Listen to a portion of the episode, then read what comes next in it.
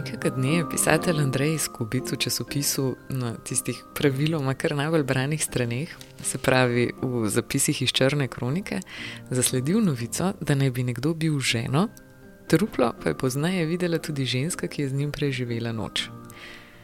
Kdo je bil nekdo, kdo je bila umorjena žena in kdo ženska, ga niti ni zanimalo. Nadaljevanje policijske preiskave prav tako ne. So pa osebe dobile imena in zgodba povsem drugačne razsežnosti, kot bi jih, če bi bil osredotočen le na preiskovanje.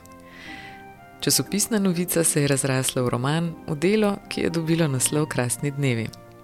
Te razsežnosti z avtorjem razgrinjamo v podkastu, ki nastaja v sodelovanju s portalom Erbeletrina. Ustvarjava pa ga Klara Škrinjar in Maja Čakarič. Z Andrejem iz Kubicem sem se pogovarjala Maja. Andrej je krasne dneve pisal še preden nam je pod kožo začela lesti epidemija koronavirusa. Pisal pa jih je tako, kot piše sicer, praviloma v mraku. Najbolj mi pa še, če lahko delam po noč, ko cel svet spi, pa imamo občutek, da ni čisto nobenega zraven. Ampak to pač za uno fazo, takrat, ko res pišem, ko, ko hočem sam pisati. Drugač pa zgodba, zgodba pa nastaja v glavi v takih čist nepredvidljivih okoliščinah ko delam karkoli drugega, ko se magari tudi s kom pogovarjam, kaj tasga, pa dobim kakšno idejo, v katero smer bi zgodba lahko zavila, pa se potem trudim to zapomniti, dokler ne pridem nazaj do računalnika. Ali pa ko sprehajam psa, to so zelo inspirativni trenutki. Doma, kar je vrednega, da se zasidra v spominu hrani. Tako se zbirajo v mislih in v računalniku, kjer zorijo, dokler ne nastopi čas za žetev. Tam so se vležale tudi zgodbe iz njegovega osebnega življenja. Pač oče moj je šel v dom za ostarele, se je poslavljal od svojega starega življenja, od svoje stare hiše, ki jo je sam postavil, in tako naprej. In se mi je to nekako povezalo eno tako reči, kako bi bilo, če bi en tak človek kot je on naletel na neko tako noro novico, recimo, da je pa njegov otrok, njegova hči bila upletena v neko tako uh, bizarno zgodbo, kot je bila ta iz časopisa. Ne? Pač, da, je neka, uh, da, da se je zgodil nek umor in je potem uh, se je zvedla, da je v tistem stanovanju, kjer se je zgodil umor, prenočila še neka ženska, ki je sigurno videla to, to truplo in da zdaj policaji iščejo to žensko, če bi imela kaj zapovedati. Ne. Tako so se med osebe zapletli raznoliki prostori, obdobja, situacije, ki so rojevale nove povezave in motivacije. Zbujale so se pač neke misli, neke, neke občutki, kam to pele. Kako, kam pele nek tak kleš svetov, čist različnih, v katerem živimo mi danes, v katerem je recimo živel moj oče, v katerem bi živel recimo lahko njegov oče, ne, ki je sicer zelo drugačen od tega dela v, v tem romanu, ne, to sem potem napletel naprej po svoje. Ampak ta spopad čist različnih svetov, ki se med sabo ne razumejo, ne, ker živimo v čist različnih svetovih. Ne.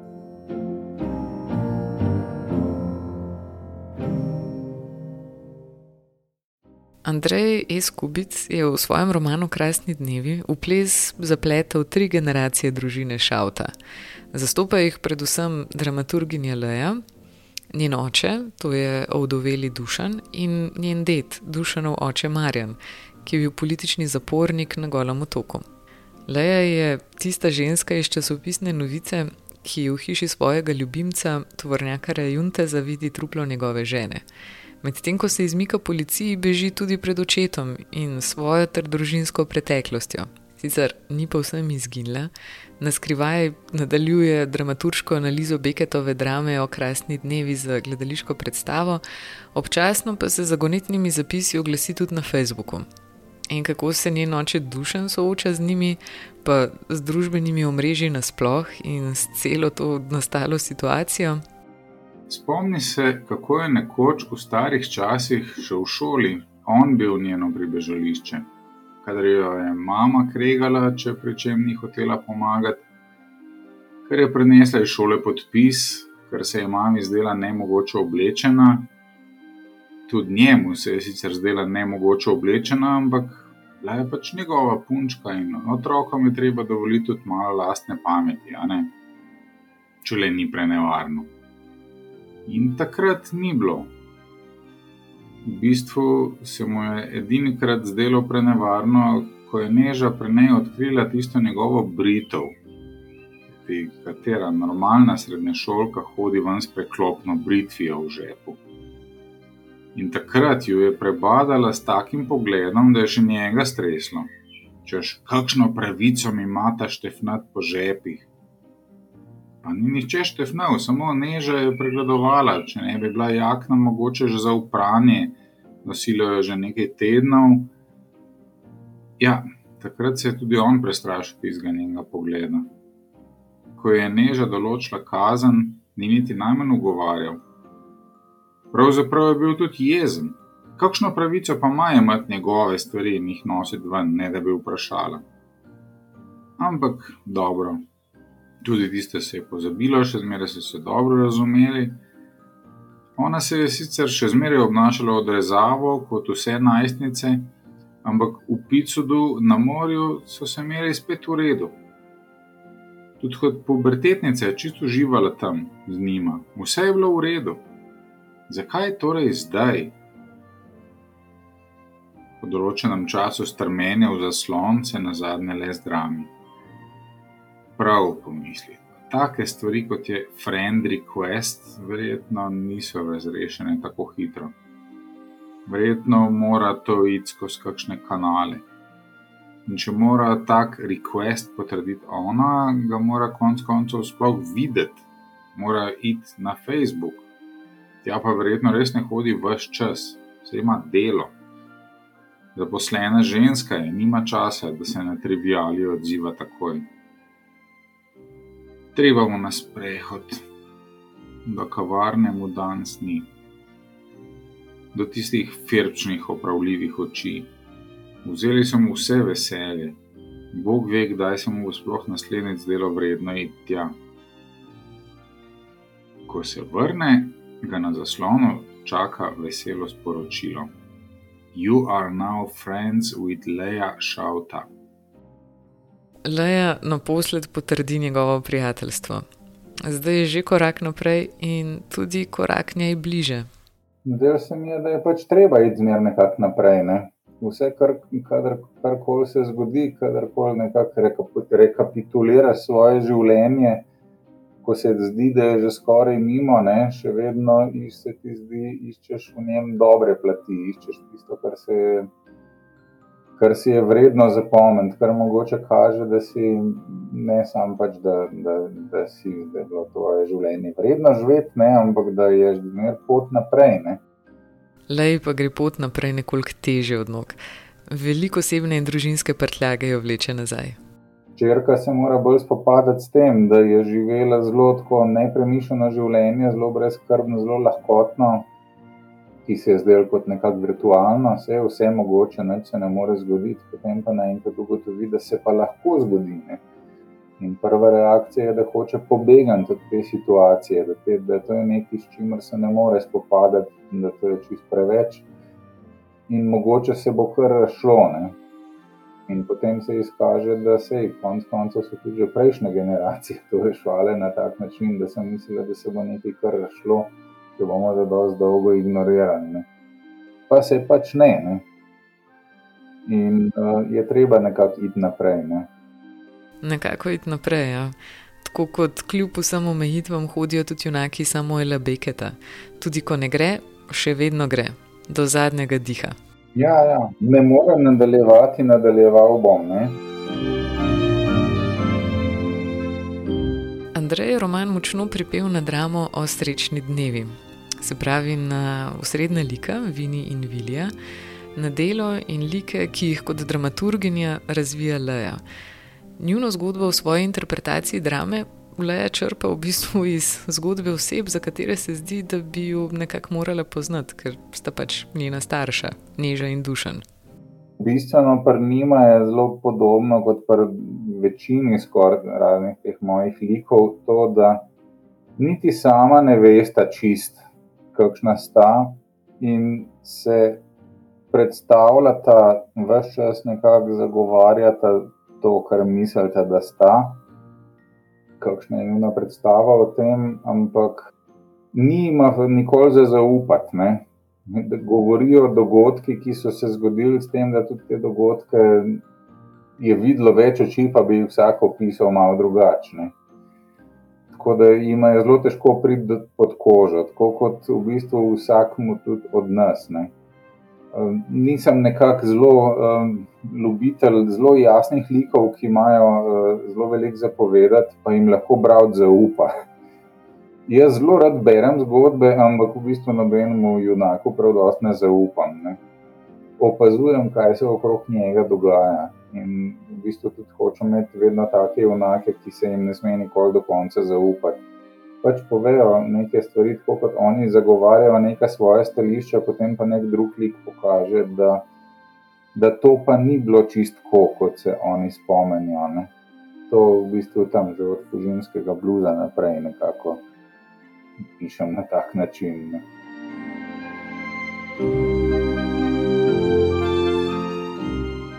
Je pa zaupanje vendarle tisto, kar se vsaj narahlo uplete med dušeno in hčerko Lejo, ko se, mm, no, ne vem, če bi ravno razkrivala razplet romana, mogoče sam še toliko. Tisto, kar pa na koncu vseeno ostane neko vodilo, ali tisto, kar pogrešate in kar je na koncu pripele vse skupaj, je pa da iščete neko bližino, neko toplino, brez katere ne morete, ne, ki jo eksistencialno hrata. Rabite pa tudi tako, da je dovolj povedna in glasna, lahko že tišina. Več, ko govorimo, več imamo možnosti, da kaj zamočimo in izdamo sami sebe, kar besede. Besede redko znajo res zajeti tisto, kar čutimo. Ne? Zato v bistvu nas verjetno vse, ko pišemo, žene to, da pišemo ker se nam zdi, da če bi se sam pogovarjali, da če bi nekaj hotel naravnost povedati, nam to ne bi uspelo in potem pravimo to razložiti skozi neke situacije, skozi podobe, skozi nekaj, kar se zgodi. Eh, ne da se pa stvari naravnost povedati. Ne. Kadar se trudimo nekaj naravnost povedati, čist prehitro povemo preveč ali pa narobe. Ne. To je nekako smisel tiste zaključne misli, le ena. To pa je na lastni koži boleče izkusil tudi njen det. Glasnost in pomisleki zoper režim so ga pripeljali med internirance na Goli otok. Marjan težko ostane tiho, ko gre za revolucionarna načela. V tišino se potegne večinoma takrat, ko bi moral kot špicali izdajati svoje kolege. Ja, hkrati pa uspemo pa ostati tih, pa temu, ko za niti sinu ne pove za to, kaj je pa za njega žrtvoval, da je konec koncev vse en nekoga izdal zaradi tega, da je naredil svojemu sinu dobro, kar te pa je lahko šlo naprej študirati. Ne. In tega njegov sin nikoli ne bo izvedel in ga bo celo obsojal zaradi tega, kakšen grozen je bil, ne. nikoli pa ne bo zvedel, kako se v bistvu oče žrtvoval svoje principe za njega. Roman ni neobčutljiv na čas avtoritarnega režima in na nek način rezonira tudi z našo sedanjostjo. Kdaj biti tiho, kdaj se oglasiti, kdaj se postaviti zase ali pa za druge. Sigurno je, je način doživljanja tega bil takrat drugačen kot je danes, ampak princip je pa isti, ne konc koncev. Včasih je bilo mogoče, da je stvar bila še malo bolj vem, stvar malo bolj iskrena, ko si vedel, kaj tvegaš, kadar kaj narediš. Ne. Danes pa je v bistvu vse ena taka neznosna lahkotnost komunikacije, ko vsak lahko oblekne vsako neumnost in ne pomisli, kaj to v resnici sploh pomeni. Ne. To je bila ena tista ogromna razlika med Marjanovim časom in tem današnjim časom, v katerem živi Leja, da sploh ne govorim, kaj potem naslednja generacija, kot je mojega sina, ne 13-letnega danes, ko v bistvu nobena beseda skoraj ne pomeni več nič.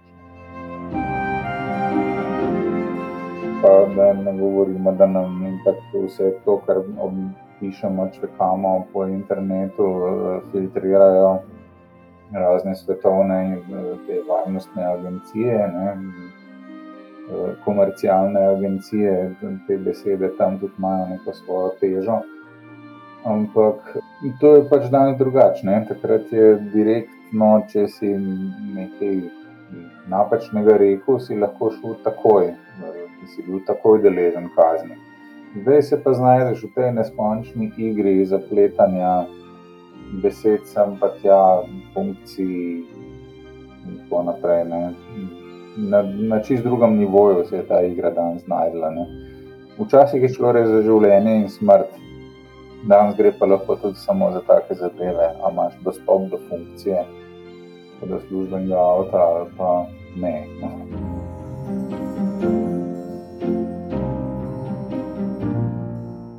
Krasni dnevi so v bistvu tako in drugače dobesedno nastali v drugem času. Naši novi dnevi nas, želeli ali ne, potapljajo v realnost, ki je virtualna.